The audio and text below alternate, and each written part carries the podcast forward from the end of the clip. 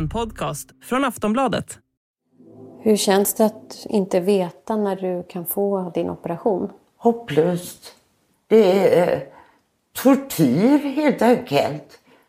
När det är som värst så är det som att få en kniv i ryggen.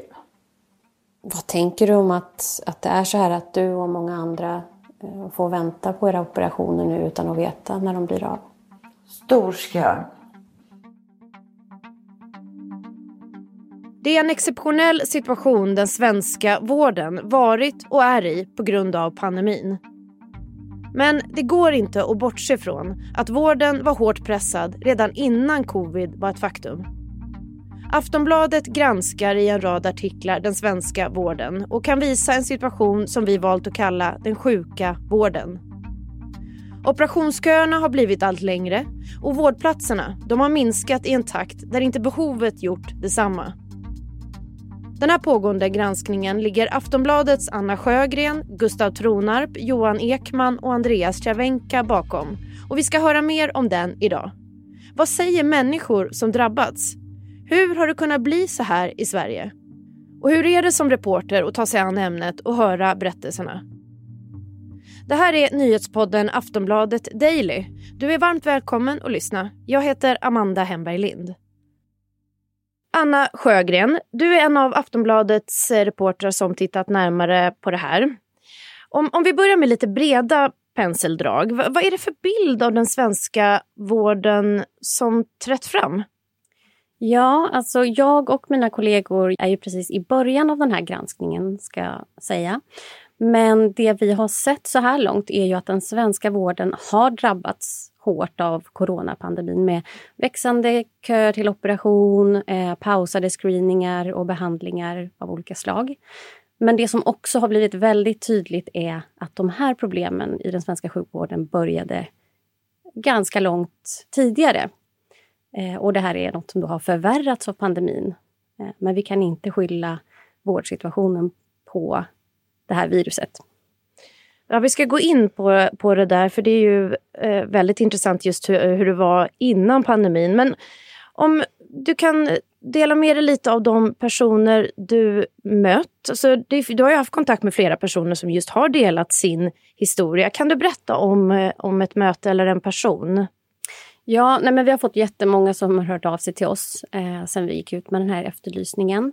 Och förra veckan så träffade jag till exempel 69-åriga Birgitta som bor i ett bostadsområde i Göteborg. Hon har eh, haft problem med ryggen i flera år och eh, nu väntar hon på en operation sedan början av pandemin men vet inte när den kommer bli av. Och nu så har hon blivit mycket, mycket värre under pandemin av att inte få någon operation. Och eh, hon beskriver det som att hon känner sig orolig för att hon inte vet när hon kommer få operationen. Hon känner sig också orolig för att operationen kommer bli mycket, mycket större eh, nu jämfört med vad den skulle ha blivit i början. Eh, och att hon är liksom ledsen och besviken på välfärdssamhället Sverige som, eh, som hon uttrycker. Och det är något som många återkommer till, att man känner sig förvånad och besviken över att man inte får den vård som, som man behöver. Eh, och inte heller får något besked om när man kan få den. Är det en allmän bild du skulle säga från, från de som hör av sig? Alltså det är ju eh, såklart att de som hör av sig till oss eh, känner sig väldigt ledsna och besvikna. Eh, för att de har ont, de har problem som de kanske inte vet vad de beror på och inte får utredda just nu. Eh, så de skulle jag väl säga känner sig ledsna och besvikna på samhället. Sen kan vi ju vara tydliga med att säga att det finns andra som har hört av sig som har fått jättebra vård. Och det är ju eh, jättebra att komma ihåg att det finns de som får vård. Men vårt fokus ligger just nu på att eh, ta reda på vad problemen beror på. Eh, även om det finns sånt som också fungerar.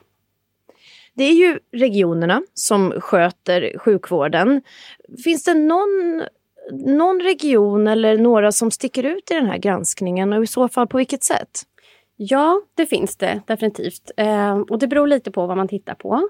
Eh, under pandemin då så har ju eh, väldigt många operationer, 169 000, eh, uteblivit. Det är ju en helt otrolig siffra när, man hör en, när du säger den sådär. Ja, den är otrolig och det är ju, man kan ju förstå att det är många människor som har påverkats av det här.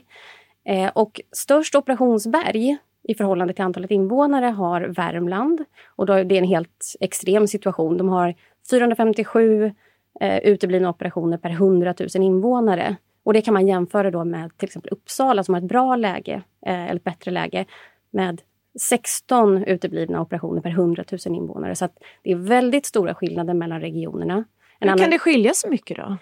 Eh, ja, det är ju inte jättelätt att svara på varför det skiljer sig så eh, otroligt mycket. Men det handlar ju mycket om utgångsläget som man hade kanske innan pandemin.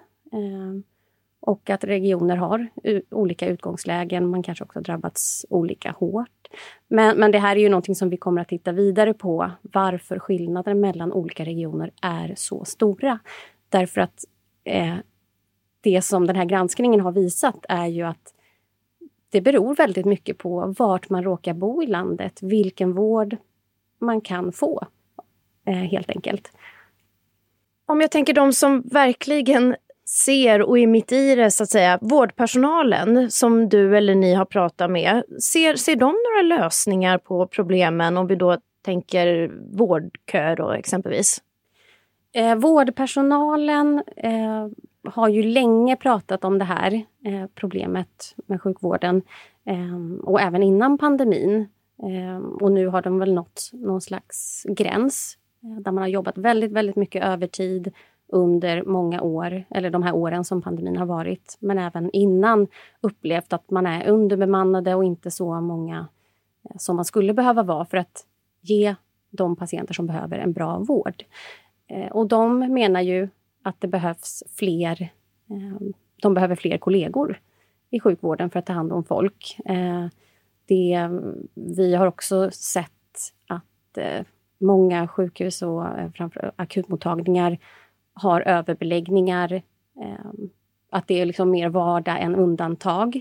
Och det är ju någonting som gör att sjukvårdspersonalen känner sig helt otillräckliga till att ta hand om patienter och inte kan ge dem en bra vård och ge dem olika typer av stress och får dem att känna dåligt samvete och vilket gör att de kanske själva ger upp och lämnar yrket för någonting annat eh, där de känner att de kan göra ett bra jobb och själva får en bra arbetsmiljö. Som du var inne på i början så rör det sig om en situation som har varit ansträngd även innan pandemin. Har du fått kläm på hur det har kunnat bli så här? Ja, det är ju inte helt enkelt att förstå hur den svenska sjukvården eh, fungerar och exakt eh, vad, vad problemen är. Ehm, men eh, det är tydligt att vårdköerna, alltså väntan på till exempel operation, ökade Eh, långt innan pandemin. Eh, jag tror att det, det vi har hittat är siffror på att var fjärde vårdplats har försvunnit de senaste tio åren i Sverige. Och då finns det an, vissa regioner, då, eh, sju regioner, där vart, alltså det är en tredjedel av vårdplatserna som försvunnit. Eh, det har också ökat att regioner skickar sina patienter till andra regioner för att, för att de inte kan erbjuda en vårdplats. Vilket gör att risken då, ser man hos de här patienterna, för vårdskador ökar betydligt. Ehm, och varför det är så här, pratar man med regionerna, då säger de att ja, men vi har problem med att hitta personal och bemanning. För det är ju det vårdplatserna handlar om. Att man har tillräckligt många sjuksköterskor och läkare, undersköterskor som kan ta hand om en patient. Det är liksom inte en fysisk säng som är problemet, utan det är människor som ska vårda eh, de som är sjuka. Och så är det. Eh, men det som vi har eh, sett då, det är att många inom sjukvården, eh, kanske många vill jobba inom sjukvården och tycker att det är underbart att få hjälpa människor. Men säger att de inte orkar med arbetsvillkoren och lämnar kanske till ett privat vårdföretag som regionen sen köper in tjänster från till en betydligt högre kostnad. Det kan också vara att vi har hört fall där intensivvårdssköterskor som är jätteeftertraktade och behövs i sjukvården helt enkelt tar jobb i en gruva istället för att man har så otroligt mycket bättre arbetsvillkor. Ehm, och det här är ju något som vi hoppas eh, titta vidare på under den här granskningen och höra mer om såklart. Men var i ligger ansvaret då för det här? det är ju inte helt lätt att förstå som person som inte jobbar eh, inom vården.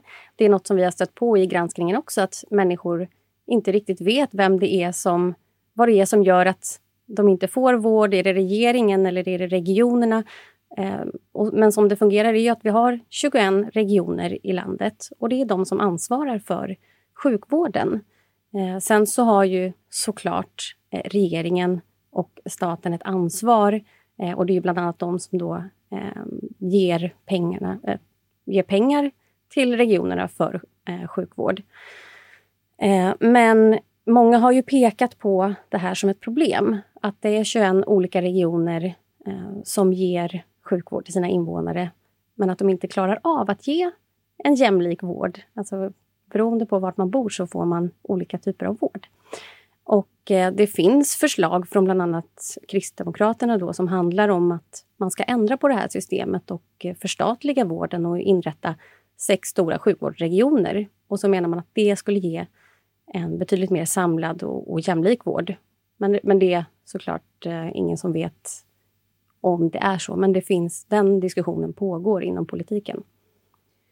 Det här är ju en eh, granskning då som, som pågår just nu. Ni har ännu fler grejer på gång inom de närmaste dagarna. Hur har det varit då att granska det här? Ja, alltså jag och mina kollegor har pratat om det här att det är otroligt svårt att granska sjukvården. Och mycket handlar just om det som vi redan varit inne på, att det är så otroligt många olika eh, aktörer här. Det är 21 regioner. Eh, det är, sen är det Socialstyrelsen som har en del i det här. Eh, sen är det SKR då som organiserar regionerna och kommunerna. Sen har vi också regeringen och staten som självklart också bär ett ansvar. Eh, så det är svårt att få en samlad bild av läget i den svenska sjukvården. Vi, det är lite som att vi jobbar med ett lapptäcke här och skrapar ihop siffror från olika aktörer, myndigheter och, och regioner för att bilda oss en uppfattning om läget. Är det eh. något som har berört dig då i det här arbetet? Nej men, alltså sjukvården är väl liksom en av de mest viktiga, eh, viktiga funktioner som ett samhälle har. Och i Sverige så pratar vi om att alla har rätt till en jämlik sjukvård oavsett då var vi bor eller oavsett hur mycket pengar vi har. Och eh, det vi har stött på som har varit intressant nu eh, när vi har haft kontakt med läsare är ju att många berättar om att de har betalat för operationer som, de, som inte då bedöms som akuta utan kan skjutas på framtiden. Men att de mår så dåligt av att gå med sina problem Eh, att de ändå köper sig eh, en operation för att lösa sitt problem. Andra som berättar att de har åkt till Danmark och fått en operation på några veckor eh, när de istället har stått fast i den svenska sjukvårdskön. Så det här är något som jag tycker är ehm, en intressant och kanske inte en jätteönskad utveckling där man liksom känner att man behöver köpa sig en operation eller en behandling för att känna att man får den vård som man behöver. Och det här är någonting som jag och mina kollegor kommer att titta mycket mer på. Just det här med privat sjukvård och sjukvårdsförsäkringar och ifall det har ökat eller inte. Tack så mycket Anna Sjögren, reporter här på Aftonbladet. Tack så mycket. Vill du höra mer om granskningen så finns det mycket att läsa på aftonbladet.se och håll koll i dagarna då det kommer mer allt eftersom. Jag heter Amanda Hemberg Lind och du har lyssnat på Aftonbladet Daily. Vi hörs snart igen. Du har lyssnat på en podcast från Aftonbladet Ansvarig utgivare är Lena K Samuelsson.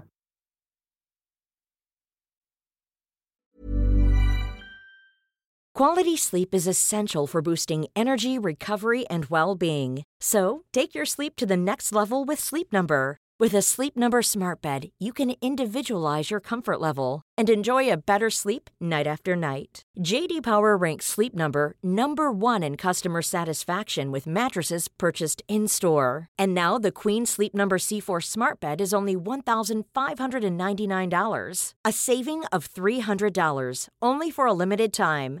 For JD Power 2023 award information, visit jdpower.com/awards. Only at Sleep Number stores or sleepnumber.com.